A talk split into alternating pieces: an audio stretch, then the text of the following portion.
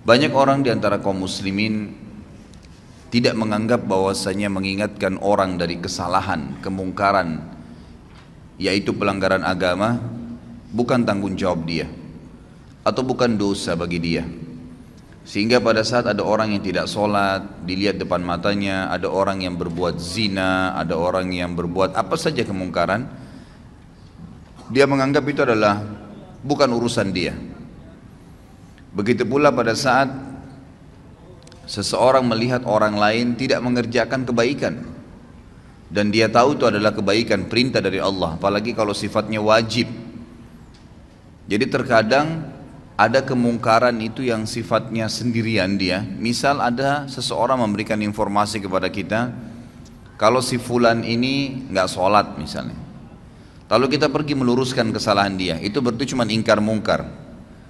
Ada kejadian yang lain, mungkin kita hanya menyuruh kepada ma'ruf saja, menyuruh kepada kebaikan saja. Seperti misalnya saya lagi ceramah begini, ini cuman mengingatkan kalau pas ada satu perintah agama yang saya sampaikan, maka itu berarti menyeru kepada kebaikan. Tapi ada hal yang bersatu keduanya. Dan yang cenderung kepada dosa besar adalah ketiga-tiganya tentunya. Yang bersatu misal ada orang yang tidak sholat. Maka kita pungkirin. Kenapa nggak sholat akhi? Kenapa nggak sholat ukhti? Itu namanya ingkar mungkar. Lalu kemudian kita ikutkan dengan perintah ma'ruf. Misal kita mengatakan, Sholat itu kan wajib. Allah yang wajibkan. Berarti itu menyeru kepada kebaikan. Ini gabungan antara keduanya. Gabungan antara keduanya. Jadi semua ketiga contoh tadi itu masuk dalam kriteria dosa besar yang kalau orang tidak melakukannya. Yang lebih fokus lagi kata ulama adalah masalah yang ketiga, yang digabungkan. Yang digabungkan. Saya rincikan dulu. Kalau yang mungkar saja tadi, misal saya dilaporkan oleh seseorang si fulan nggak sholat. Si fulan niat mau berzina. Si fulan niat mau kerja di tempat riba. Tolong ustadz nasihatin. Saya lalu datang dan menasehatinya ini ingkar mungkar saja. Ingkar mungkar saja. Nah ini kalau diminta kepada saya untuk meluruskannya maka wajib. Saya harus bisa meluruskan. Kalau saya tidak luruskan saya dosa besar karena saya membiarkan orang terjerumus dalam perbuatan dosa besar itu. Tapi kalau yang sedang dia lakukan dosa kecil dan saya tidak luruskan, saya tidak ingatkan, berarti saya termasuk melakukan dosa kecil. Kalau menyeru kepada kebaikan, misal kayak ceramah seperti ini, maka ini lebih cenderung kepada hukumnya sunnah. Kecuali memang ada satu kasus terjadi, seperti contoh besok Natal misalnya. Lalu saya tahu ada kaum muslimin yang melakukan perbuatan ikut-ikutan. Lalu saya tidak luruskan, saya tahu itu. Saya tidak coba menyampaikan yang ma'ruf. Gitu kan. Maka berarti perintah agama, agama memerintahkan agar kita merayakan Idul Adha dan tidak ada hari raya yang lain. Mengingatkan kepada ma'ruf. Saya tidak ingatkan maka saya berdosa besar. Tapi kalau umum saja penyampaian ceramah itu hukumnya sunnah saja kalau dia sampaikan secara umum, gitu kan? Kemudian ada yang gabungan antara ingkar mungkar dan ambil ma'ruf tadi. Seseorang yang sedang so, tidak sholat di hadapan kita lalu kita ingatkan, luruskan. Lalu sekaligus kita sebutkan fadilah daripada ibadah itu berarti menggabungkan keduanya. Lebih cenderung Imam Az-Zahabi mengatakan semua masuk dalam kriteria dosa tapi ada rincian tadi. Cuman kalau digabungkan keduanya ini sudah jelas dosa besar, mutlak, tidak ada lagi pendapat lain. Misal ada orang depan mata kita jelas-jelas berbuat kesalahan pelanggaran agama, ya, maka di sini wajib bagi kita untuk memungkirinya. Kalau tidak dan sekaligus menggabungkan dengan ma'ruf ya, diingatkan. Jadi jangan sampai teman-teman cuma bilang orang lagi berzina, jangan kamu zina. Haram dalam agama, itu nggak cukup. Itu cuma ingkar mungkar. Harus digabungkan apa alasannya? Apa solusinya buat dia?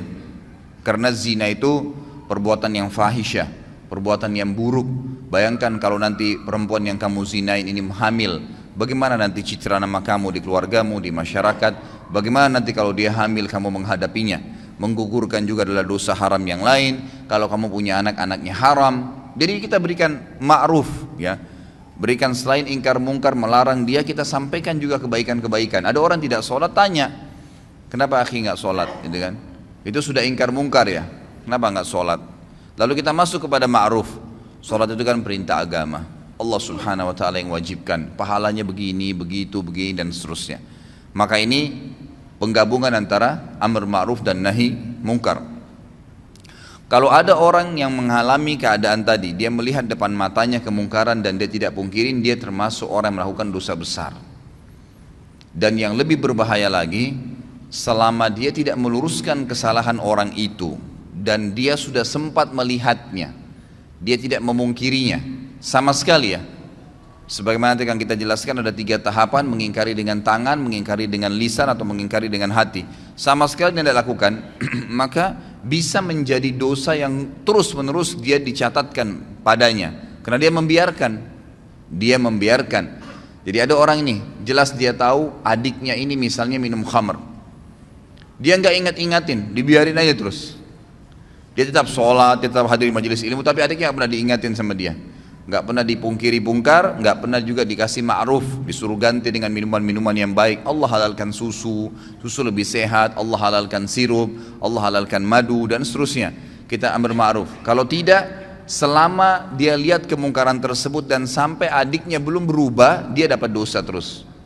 Karena dia juga termasuk terlibat di situ. Punya andil dia seakan-akan membiarkan. Dia seakan-akan membiarkan. ringannya dalam agama kita saudaraku. Karena dalam agama ini ingkar mungkar yang tadi sifatnya bisa menjadi dosa besar itu akan hilang spontan pada saat kita mengingkari walaupun cuma sekali. Jadi ingkar mungkar itu dan amr ma'ruf melarang dari perbuatan dosa dan menyuruh kepada kebaikan itu yang wajibnya hanya yang pertama Misal ada orang tidak sholat nih teman kantor, lalu kita nasihatin, kenapa nggak sholat akhi? Kan itu dosa. Sholat itu kan, lalu itu ingkar mungkar. Kita masuk kepada ma'rufnya. Sholat itu kan pahalanya sangat besar. Satu-satunya ibadah yang diperintahkan oleh Allah Subhanahu Wa Taala kepada Nabi Muhammad Wasallam yang diterima di langit adalah sholat. Ibadah-ibadah yang lain, jihad, apa saja. Ya, termasuk ayat-ayat Al-Quran itu turun dari langit ke bumi. Perintah puasa, perintah zakat, kecuali sholat. Sholat di langit. Lalu ada hadis-hadis Nabi Shallallahu Alaihi Wasallam bagaimana kalau di depan rumah seseorang di antara kalian ada sebuah danau, sebuah sungai yang luas dan airnya mengalir dengan deras. Lalu kemudian dia mandi sehari lima kali. Apakah tertinggal sedikit pun dari kotorannya? Maka pasti dia akan mengatakan, apa kata para sahabat tidak ada ya Rasulullah. Kata Nabi SAW itu perumpamaan lima waktu sholat. Seseorang di antara kalian membersihkan lima kali sehari dosanya. Jadi kita sebutkan ma'ruf, gitu kan? Kita sebutkan ma'ruf. Kalau kita sudah sampaikan kepada dia sekali saja, sekali saja. Suami sampaikan kepada istrinya untuk pakai jilbab misalnya, gitu kan? Atau orang tua nasihatin anaknya, teman nasihatin temannya atas kesalahan dia ya. Diingkar mungkar, ingat selalu berhubungan. Larang kemungkaran, ganti dengan ma'ruf. Ya. Banyak orang tidak bisa meluruskan kesalahan orang lain karena dia cuma ingkar mungkar. Kamu nggak boleh begitu, selesai. Nggak cukup. Harus diikuti dengan ma'ruf. Jelaskan kenapa kita dia tidak boleh. Lalu berikan solusi. Zina pezina solusi, berikan solusi pernikahan. Nggak usah pikir dia terima atau enggak itu bukan urusan kita. Hidayah di tangan Allah Subhanahu wa taala. Gitu kan? Ma'alaika illal balag. Allah Subhanahu wa taala menyampaikan kepada Nabi wasallam, tugasmu hanya menyampaikan saja. tugasmu hanya menyampaikan. Jadi tidak ada tugas yang lain. Kita cuma sampaikan hidayah di tangan Allah subhanahu wa ta'ala. Kalau sekali saja, sekali lagi, Anda sudah ingkar mungkar dan amr ma'ruf, maka gugur hukuman dosa besar. Nggak ada lagi. Nggak ada lagi sudah. Jadi kalau sudah diingatin sekali, yang kedua, yang ke seratus, yang ke seribu itu sudah sunnah hukumnya. Sudah sunnah. Suami akan lepas dari tanggung jawab terhadap istrinya yang tidak mau pakai jilbab kalau dia sudah ingatkan jilbab itu Haram kalau kamu memperlihatkan aurat kamu. Ingkar mungkar dan ambil ma'ruf. Kan kalau kamu tutup aurat kamu itu malah menjalankan perintah agama, dapat pahala. Kamu juga tidak kehilangan apa-apa kok, malah tidak diganggu oleh orang lain dan seterusnya. Maka sudah sekali. Ternyata istrinya masih belum mau lakukan. Dia boleh tetap mengingatkan, mendoakan, tapi minimal dia sudah lepas dari beban hukum nih. Karena hukum ini yang penting ya. Nah sekali saya sudah cukup, sekali saja sudah cukup. Saya kasih contoh banyak sekali ikhwat dan akhwat sekalian kemungkaran. Semoga Allah hilangkan ya. Maksudnya ini ini bukan dihilangkan total memang. Mungkar itu tetap ada, tapi minimal Allah Subhanahu tutupin ya hal-hal yang besar karena di Indonesia ini sangat luar biasa. Saya tidak bisa habis pikir terus terang saya lihat pelang begitu besar di pinggir jalan, biskuit harus memperlihatkan perempuan yang dadanya terbuka. Apa hubungannya? Apa hubungannya antara biskuit itu dengan perempuan yang memakan itu dengan kelihatan semua badannya? Tidak ada sama sekali hubungannya tidak ada. Jadi orang sebenarnya lebih melihat kepada artis yang sedang ada di pelang itu. Tapi yang berbahaya adalah kita ini lewat di pelang itu. Berapa banyak pelang yang kita lewatin penuh dengan iklan sampo perempuan tidak pakai jilbab, iklan biskuit tadi yang ini. Belum sekarang karena dibiarkan makin jadi. Saya kaget melihat ada di salah satu jalan, poros jalan besarnya luar biasa iklan itu iklan celana dalam laki-laki. Dan laki-laki itu betul-betul dikasih gambar hanya pakai celana dalam. Ini luar biasa ini. Ya, saya semoga Allah berikan hidayah ya. Ini negara kita berbahaya sekali kalau kita biar-biarkan terus begini ya. Jadi ini tidak boleh, ya, harus ada batasan gitu kan. Mungkin seorang laki-laki tam ini pun kalau ya seorang laki-laki tampil dan memang di sebelahnya ada dus celana dalamnya orang sudah paham. Oh iya, ini sudah ada. Jadi kalau misalnya diberikan iklan sesuatu, itu pun kalau digambar yang terpapar itu kan secara syari memang tidak boleh ya. Nah, tidak boleh memang. Kalaupun orang mau lihat yang paling kecilnya, mungkin seorang laki-laki di sebelahnya ada dos celana dalam, mungkin, gitu kan. Tapi kalau ditampilkan tanpa baju, tanpa celana panjang, cuma celana dalam, lalu besar pelangnya. Setiap perempuan yang lewat situ melihatnya, setiap laki-laki yang lewat melihatnya, itu kan itu mungkar. Maka wajib anda pungkirin. Ya, wajib dipungkirin, tidak boleh dibiarin. Kalau dibiarin dosa besar tuh. Ya. Dan kalau kita tidak pungkirin, Lihat konsekuensinya, selama pelang itu ada, kita dapat dosanya. Karena semua orang yang lewat wajib pungkir. Tapi kelebihannya, kalau kita sudah pungkirin sekali saja, maka sudah gugur kewajiban. Walaupun itu pelang masih ada. Gitu kan. Tinggal sekarang tata cara ingkar mungkar itu seperti apa. Imam Az-Zahabi mengangkat hadis yang sudah masyhur ya. Hadis riwayat Imam Muslim di mana Nabi SAW bersabda man ra'a minkum munkaran falyughayyirhu biyadihi fa illam yastati' fa bilisani fa illam yastati' fa biqalbi wa dzalika iman Barang siapa di antara kalian melihat suatu kemungkaran, pelanggaran-pelanggaran agama, maka hendaklah ia segera mencegahnya dengan tangannya. Tangan ini kata para ulama adalah kemampuannya, ya, power yang dia milikin.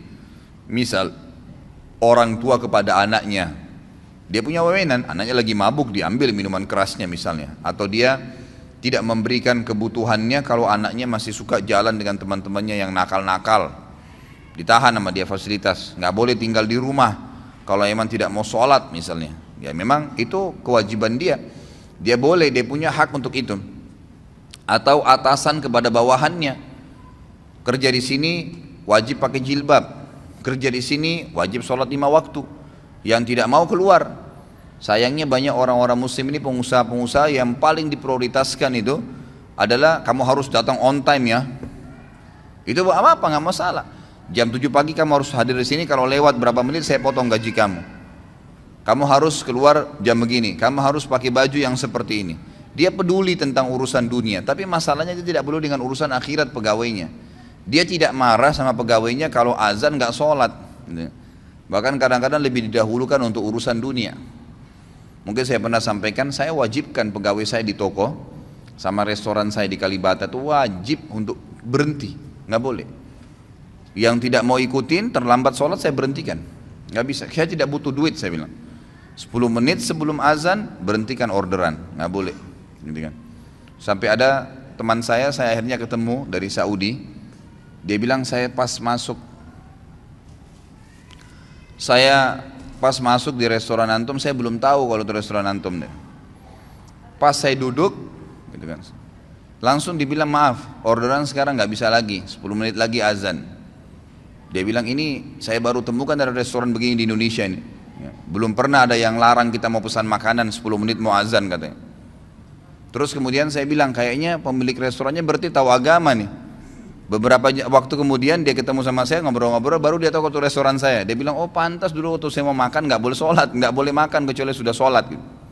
Loh iya memang begitu peraturan saya kasih, gitu kan? Harusnya begitu ditaruh di depan rolling doornya itu tulis sedang sholat nggak apa-apa gitu kan harusnya begitu karena kita punya power akhirnya pegawai saya mau tidak mau duhur asar maghrib isya itu saya ngambil hukum syari di situ dan orang-orang bahkan tidak jarang subhanallah orang yang lagi makan orang yang lagi belanja di toko tuh ikut sholat. Oh di mana masjidnya mas? Oh di sana ditunjukin. Pergi sholat dulu balik lagi habis itu. Subhanallah kenapa orang bisa pada saat kebelet kencing ke kamar mandi? Kenapa pada saat azan gak bisa ke masjid?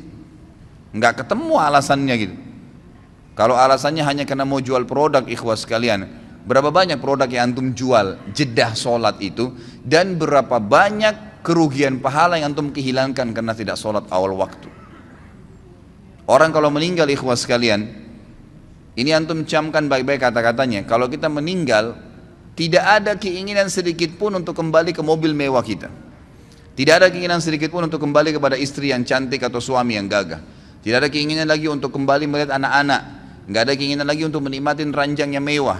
Nggak ada keinginan lagi menikmati rumah yang bagus. Nggak ada lagi.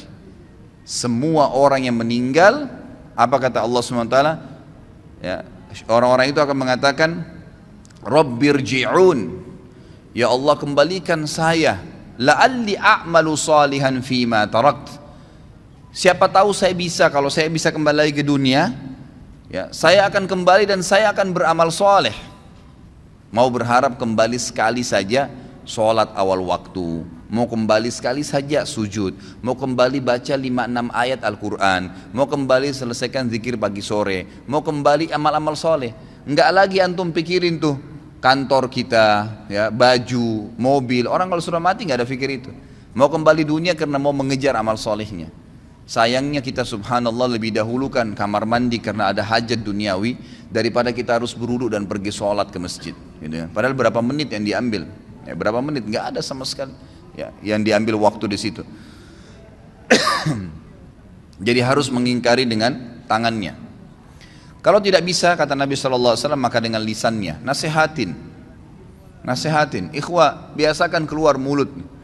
Orang bisa ngomong semaunya di TV, di media. Orang yang tidak punya ilmu, tidak punya akhlak ngomong. Nggak ada tata kerama dalam ucapan-ucapannya. Kadang-kadang sampai mencoreng kehormatan agama. Ngomong semaunya. Kenapa anda ini atau antum ini yang sudah faham agama tidak bicara kebaikan? Syaitan kadang-kadang membuat kita ragu untuk menyampaikan. Sampaikan saudaraku. Saf miring, maaf miring pak safnya luruskan. Selesai kalimat Nggak ada orang tiba-tiba tonjok kita gara-gara ngomong gitu. Orang tidak normal itu. Apalagi kalau sudah masuk masjid mau sholat, insya Allah pasti dia bergerak kok, gitu kan? Kalau dia sudah ingatkan sekali, tetap aja nggak mau, dia seakan-akan tidak mau dengar, sudah. Tapi kita sudah lepas dari tanggung jawab hari kiamat, harus itu ya. Dalam sebuah hadis yang sahih riwayat Imam Ahmad kata Nabi Shallallahu Alaihi Wasallam, siapa yang lihat kemungkaran pada seseorang dan dia tidak memungkirinya secara sengaja nih, Betul-betul dia tahu di depan matanya. Jadi bukan misal ada orang berbuat mungkar di layar TV kita nggak mungkin pungkirin kan. Maksudnya tidak mungkin pungkirin dengan tangan ya, bisa dengan hati mendoakan. Tapi di sini kalau ada orang yang lihat depan matanya, dia tidak pungkirin dengan tangannya, dia tidak tidak pungkiri dengan lisannya, maka ini berbahaya sekali. Selama itu ada maka akan menjadi dosa, selama dilakukan akan menjadi dosa buat dia. Tapi dia kalau pungkirin sekali lepas dari beban hukum. Tapi hadis ini sangat tegas nih. Siapa yang lihat kemungkaran pada diri seseorang lalu dia tidak pungkirin dengan tangannya kah, dengan lisannya kah atau nanti saya jelaskan dengan hati yang selemah-lemah iman di situ, maka orang yang berbuat mungkar itu akan datang hari kiamat di depannya Allah. Lalu mencekik mencekik leher orang yang melihatnya berbuat mungkar dan berkata ya Allah orang ini lihat saya buat mungkar dan dia tidak ingatkan maka hukumlah dia. Bayangin tuh. Jadi kita nggak boleh masuk surga sendirian. Ingatkan orang saudaraku, lisan itu ucapkan kalimat yang baik. Kata Allah SWT dalam Al-Quran mathulu kalimatin tayyibatin Kasyajaratin tayyibatin Asluha thabitun wa far'uha fis sama. Perumpamaan kalimat yang baik tuh Nasihat, zikir, ayat Al-Quran Seperti sebuah pohon yang ditancap di dalam bumi Lalu tumbuh dengan sangat kuat dan kokoh Sampai menjulang ke langit gitu kan? Jadi tu'ti ukulaha kullahinin biidni rabbiha. Selalu saja pohon itu bermanfaat buahnya kah, daunnya kah, naungannya kah, orang bernaung di bawahnya akan bermanfaat. Seperti itu kalimat yang baik. Ucapkan, sampaikan, gitu kan? Selalu. Kemudian yang ketiga adalah mengingkari dengan hati. Dan ini selemah-lemah iman dan kata para ulama Imam Az-Zahabi memasukkan ingkar mungkar ini dalam dosa besar karena adanya sabda Nabi SAW di akhir hadis ini wadzalika adhaful iman dan itu selemah-lemah iman. Artinya tidak ada lagi hitungan iman setelah itu. Jadi ada ancaman tapi seperti tidak kelihatan secara tulisan, gitu kan? Ingkar mungkar dengan hati, lewat di pelang, ya Allah, mudah-mudahan saja Engkau hilangkan ini. Ya Allah, saya tidak senangin ini. Ya Allah, berikan atasan atasan saya hidayah. Ya Allah, berikan hidayah orang tua saya. Tapi itu selemah-lemah iman. Cuman itu ingkar mungkar juga termasuk. Kalau sudah sekali saya dalam hatinya mengatakan, Ya Allah tolonglah berikan hidayah. Ya Allah ginilah. Sudah selesai. Dia sudah lepas dari hukuman dosa besar ini. Yang penting ingkar mungkar dulu. Dan ingat selalu ikutkan dengan ma'ruf ya. Jadi misal Ya Allah buatlah dia berhenti untuk tidak sholat Dan mudahkanlah dia untuk mengerjakan sholat itu. Karena kadang-kadang doa kita Allah berikan seperti yang kita minta ya. Ya Allah buatlah istri saya pakai jilbab misalnya. Gitu ya. Lalu berhenti sampai di situ. Ya sudah dia pakai jilbab, tapi pakai jilbabnya kita belum tahu bagaimana. Tapi ya Allah, berikanlah dia hidayah supaya dia tinggalkan dosa kelihatan auratnya ini lalu berikanlah dia hijab dan buat dia istiqamah di hijab itu. Berikan dia hijab yang syar'i yang betul-betul dia sadari itu adalah sebuah kebaikan. Lengkap doanya minta kepada Allah SWT.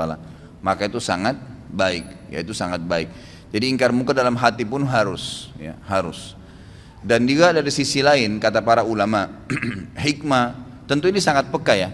Hikmah yang sangat besar daripada ingkar mungkar ambil ma'ruf adalah bagaimana supaya ma'ruf itu perbuatan-perbuatan baik selalu meninggi karena banyak orang yang kerjakan dan mungkar nanti akan teredam karena setiap orang di antara kita kalau dia jalan dari masjid ini misalnya pulang ke rumahnya sebentar Pasti dari dari masjid ini ke rumahnya itu akan banyak sekali kemungkaran. Bayangkan kalau seseorang di antara kita anggaplah kita yang hadir sini misalnya 200 orang. 200 orang ini kalau pulang menuju ke rumahnya misalnya. Kan itu. Kira-kira pada saat dia pulang menuju ke rumahnya dia lihat 10 kemungkaran dan dia pungkirin 10 kemungkaran. Berarti kita punya 2000 kemungkaran yang kita luruskan. Gitu kan? Contohnya saja walaupun dengan hatinya berdoa kepada Allah SWT kalau dia bisa dengan lisannya baiklah, alhamdulillah gitu kan dan seterusnya. Jadi ini bab yang harus kita jadi ini kesempatan pahala. Pahala yang paling banyak kata para ulama yang bisa didapatkan oleh seseorang dari amar ma'ruf nahi mungkar. Itu yang paling banyak. Karena banyaknya kemungkaran di jalanan. Kan gitu. Ada orang perempuan yang lewat tidak pakai jilbab, berapa banyak tidak pakai jilbab? Kita tidak usah tidak harus melihat tapi mengatakan ya Allah berikanlah hidayah kepada semua orang-orang yang perempuan yang tidak pakai jilbab ini dan siapa pun yang seperti dia seluruh dunia. Berapa banyak pahala yang kita bisa dapatkan? Jadi ini hal mendasar yang harus difahami dalam masalah ingkar mungkar dan ini dimasukkan dalam kategori dosa besar yang ke-78. Kemudian beliau mengangkat juga hadis yang lain ini diriwayatkan oleh Imam Muslim juga dalam Kitabul Iman, hampir sama dengan tadi yang pertama, atau sama dalam Kitabul Iman cuma beda nomor hadis. Dalam hadis yang milik Imam Muslim kata beliau tentang kezaliman, bunyinya ada ada awal hadisnya, tapi ini beliau, beliau angkat cuma pertengahan hadisnya. Faman jahadahum biyadihi fahuwa mu'min, wa man jahadahum bilisanihi fahuwa mu'min, wa man jahadahum biqalbihi fahuwa mu'min. Laisa wara'a dzalika minal imani habbatu khardal. Siapa yang melihat kemungkaran lalu dia melawan meluruskan kemungkaran itu siapa yang meluruskan kemungkaran itu dengan tangannya maka dia adalah seorang mukmin siapa yang meluruskan kesalahan dengan lisannya, maka dia juga orang mukmin. Dan siapa yang meluruskan kesalahan dan kezaliman, kemungkaran dengan lisannya, maka dia juga mukmin dan tidak ada iman setelah itu sekalipun atau sebesar biji sawi pun. Artinya tidak dianggap orang beriman kalau tidak mau ingkar mungkar. Ada hadis yang agung riwayat Bukhari di mana Nabi SAW bersabda, suatu hari pernah Jibril diutus oleh Allah untuk menghancurkan satu negeri. Pada saat Jibril tiba di negeri itu, Jibril berkata, Ya Allah, kata Allah ini hancurin negeri itu. Kata Jibril AS, Ya Allah, di negeri itu ada hambamu fulan, orang saleh. Ada hambamu fulan, orang saleh. Kata Allah SWT, mulai dari orang itu. Azab yang akan saya turunkan ini mulai pada orang itu karena dia tidak pernah menyeru kepada kebaikan dan melarang kemungkaran. Ini banyak orang ini, cirinya di Indonesia banyak sekali. Dia ke, azan ke masjid, tapi nggak pernah mau tahu tetangganya sholat kah, orang yang dilewatin kah. Padahal cuma tinggal ucapin. Saya kadang-kadang kalau lewat di masjid dekat rumah saya, lagi duhur banyak penjual-penjual ya kaki lima atau orang yang mampir. Mereka istirahat di teras masjid, tapi nggak sholat. Tidak sholat subhanallah ya. Semoga Allah berikan hidayah. Saya lewat cuma mengatakan Pak, mas sholat Pak. Pak, padahal sudah dengar azan tuh kan. Mereka tetap duduk aja. Kita coba ikat, ingatkan. Pak, mas sholat. gitu kan. Kadang-kadang ada pernah ada ibu-ibu juga situ jual gado-gado bu, duhur bu, sholat. Hanya itu saja.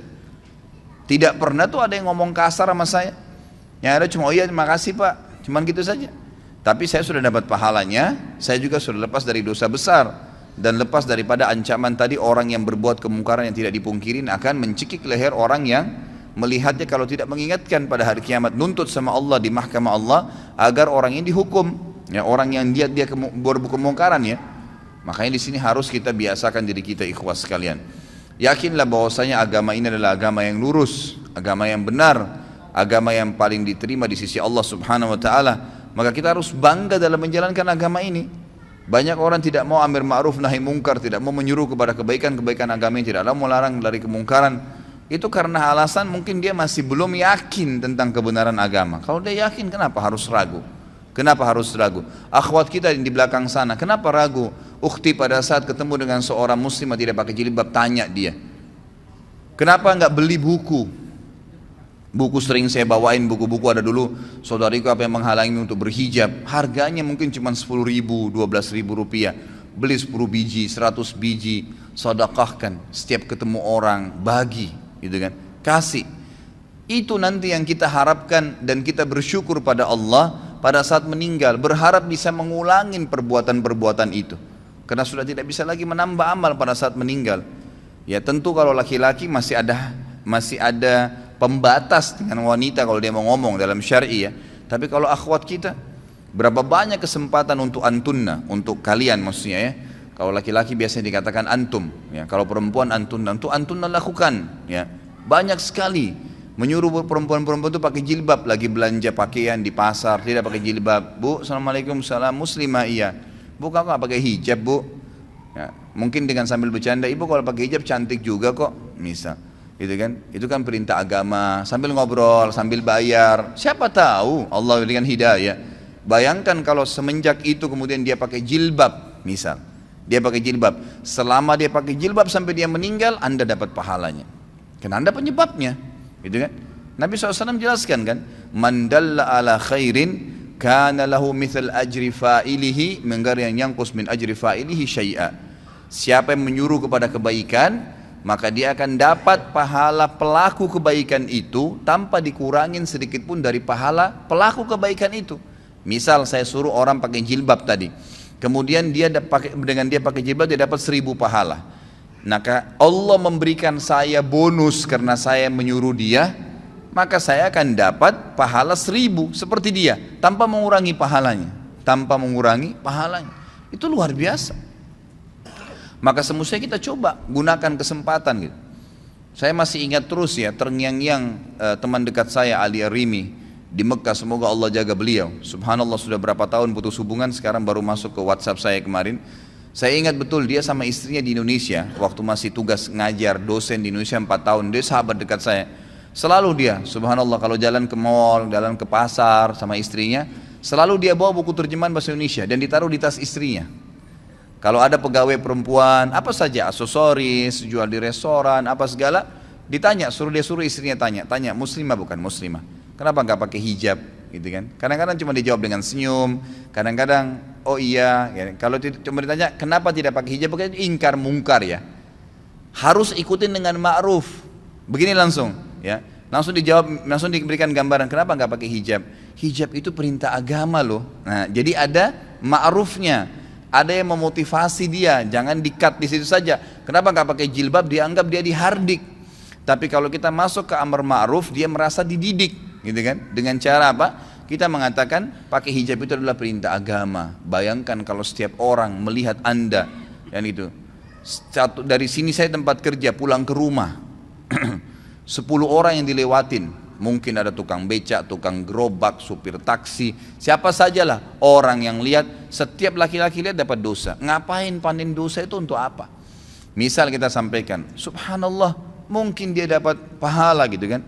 Saya pernah amalkan, saya akhirnya semenjak itu ya, semoga Allah berikan beliau pahala. Saya coba ke mana pun saya pergi, saya coba bawa buku-buku. Saya coba bawa buku-buku. Kadang-kadang saya mampir di pinggir jalan penjual buah, kalau ibu-ibu yang jual saya tanya, muslimah iya, kadang-kadang cuma pakai topi di kepalanya dianggap sudah hijab tuh. Ya. Coba kita ingatkan, bu, pakai jilbab itu dalam Islam wajib bu, itu kan diperintahkan oleh agama dan leher itu termasuk aurat gitu ya. Ada buku, ini ada buku mungkin ibu bisa baca. Ada penjual nasi padang di dekat rumah saya. Pas saya masuk, ini suaminya masya Allah suka hadir di masjid sama saya gitu, dekat rumah. Begitu saya masuk ke rumah makannya ada apa lukisan wanita Bali besar. Mungkin hampir setinggi dari lantai ke temboknya dia mungkin 3 meteran lukisan itu. Begitu saya masuk saya lihat ini orang Padang. Orang Padang biasanya Muslim gitu kan. Kemudian saya ngobrol sama suaminya. Assalamualaikum Pak. Waalaikumsalam gini. Sudah berapa lama di sini? Saya bicara dulu secara umum karena lagi nunggu dibungkusin makanan gitu Oh, uh, saya sudah dua tahun di sini gini. Oh, saya belum pernah lihat ngobrol-ngobrol lah. Akhirnya sudah. Saya bilang saya tinggal di sini dekat sini alamat sini dan seterusnya. Selesai pada saat saya mau bayar, saya bilang bapak ibu saya punya masukan bisa nggak? Oh iya iya silahkan. Kalau setahu saya dalam agama lukisan seperti ini tidak boleh. Ini kan lukisan, foto aja kalau dipajang itu masih tetap membuat malaikat tidak masuk. Apalagi kalau lukisan gitu kan. Oh yang ini Pak Ustadz, iya yang ini. Oh ini kebetulan dikasih sama teman. Nah, iya saya mungkin tahu baik itu dikasih ataupun dibeli. Tugas saya mengingatkan dalam agama karena memang ini nggak boleh. Subhanallah. Mungkin syaitan akan mengatakan kepada kita, siapa tahu dia marah. Sempat terlintas tuh di hati saya, terlintas sejenak, gitu kan. Nanti dia tersinggung, nanti dia marah. Tapi saya selalu melawannya. A'udzubillahiminasyaitonirrajim. Saya luruskan Subhanallah dengan sedikit saya nasihatin dan kebetulan waktu itu saya memang lagi bawa mobil saya turunkan dari mobil buku. Di antara buku yang saya pernah ini juga buku sekalian memang saya sudah pernah janjikan saya bawa ini bukunya sudah saya bawa ada rumah yang tidak dimasukin oleh malaikat. Ini ada mungkin kalau tidak salah berapa ya? Ada 30 atau sekian rumah, contoh-contoh rumah yang tidak dimasukin oleh malaikat. Ada ya dia pakai F ya saya kurang tahu nih jumlahnya, tapi yang jelas ada banyak sekali buku-buku eh, rumah-rumah yang tidak dimasuki malaikat, rumah orang yang memutus silaturahim, rumah orang yang mendurhaka ke orang tua, rumah orang yang memakan harta anak yatim, rumah yang memakan harta riba, rumah yang di dalamnya terdapat anjing, rumah yang ditempati oleh setan karena tidak ada zikrullah, tidak ada membaca Al-Quran di dalamnya, rumah yang penghuninya terbiasa mencaci maki, baik itu sahabat, orang-orang soleh, orang yang sudah meninggal, rumah ya, yang di dalamnya tergantung gambar dan patung. Nah ini yang disebutkan oleh beliau di sini di halaman 100. Lalu beliau sebutkan sebab pengharaman gambar, gambar lukisan tangan, hukuman dan azab bagi orang yang membuat gambar dan juga hukuman bagi orang yang sengaja memajangnya. Saya kasih buku ini pada saat itu. Ini ada buku mungkin bisa dibaca. Subhanallah besok saya datang dan sampai hari ini saya masuk ke rumahnya itu nggak pernah lagi ada gambar itu. Kadang-kadang waktu saya mampir saya bercanda. Udah nggak ada gambarnya Pak. Iya Pak Ustadz sudah Alhamdulillah. Ya kami juga baru tahu kemarin. Malah sebenarnya mereka tambah dekat dengan saya itu Pak. Dengan ingkar muka dan amir ma'ruf tadi. Yang awalnya syaitan kadang-kadang buat kita ragu. Ya, buat ragu. itu kesempatan peluang besar untuk mendapatkan pahala. Ingkar mungkar, ingatkan. Karena kalau tidak malah berbahaya sebagaimana tadi saya jelaskan ya. Nabi Muhammad SAW dan para sahabat paling gemar dengan amr ma'ruf dan nahi mungkar. Bahkan kita e, tahu kisahnya Abdullah bin Umar dan Abu Hurairah radhiyallahu anhum. Abdullah bin Umar dan Abu Hurairah anhum ini kalau mau sholat ya, mau sholat mereka sudah tahu. Misal waktu sholat subuh, duhur, asar, maghrib, isya Eh, jamnya atau saatnya kayak kita sekarang pakai jam ya. Itu mereka berdua ini selalu keluar sebelum waktu. Selalu keluar sebelum waktu. Dan selalu setiap kali itu keliling ke rumah kerabatnya tetangganya dipanggilin ayo sebentar lagi sholat. Ayo sebentar lagi sholat. Ada yang diketuk pintu rumahnya. Ayo sebentar lagi sholat. Terus begitu. Setiap mau sholat lima waktu lima waktu ini dua orang ini selalu begitu. Terkenal di kalangan sahabat. Jadi sering kali mereka mutar jauh sekalian sampai ke masjid sudah azan. Ini mereka sudah amar ma'ruf sekaligus ingkar mungkar gitu. Pahalanya banyak. Barangkan berapa banyak orang yang mendapatkan atau kita dapatkan pahalanya hanya karena dia mendapatkan hidayah, yang mendapatkan hidayah. Ini penting sekali. Sekarang banyak sekali wasilah ya, banyak sekali cara untuk menyampaikan yang ma'ruf dan melarang kemungkaran. Kalau sekarang mungkin dari BlackBerry sudah ada, di WhatsApp sudah ada, dan salah satunya sudah saya bahasakan kan. Ya, bisa diambil, tinggal buka YouTube, ambil ceramah saya, tinggal dipencet ada titik tiga di sebelahnya gambar ceramah saya itu ada bagikan tinggal ambil share bagi kepada teman-teman gratis yang ngomong saya dua jam anda cuma tinggal pindahin pahalanya sama. Ya. apa susahnya? Daripada kirim gambar yang nggak benar gitu kan? Ada manfaatnya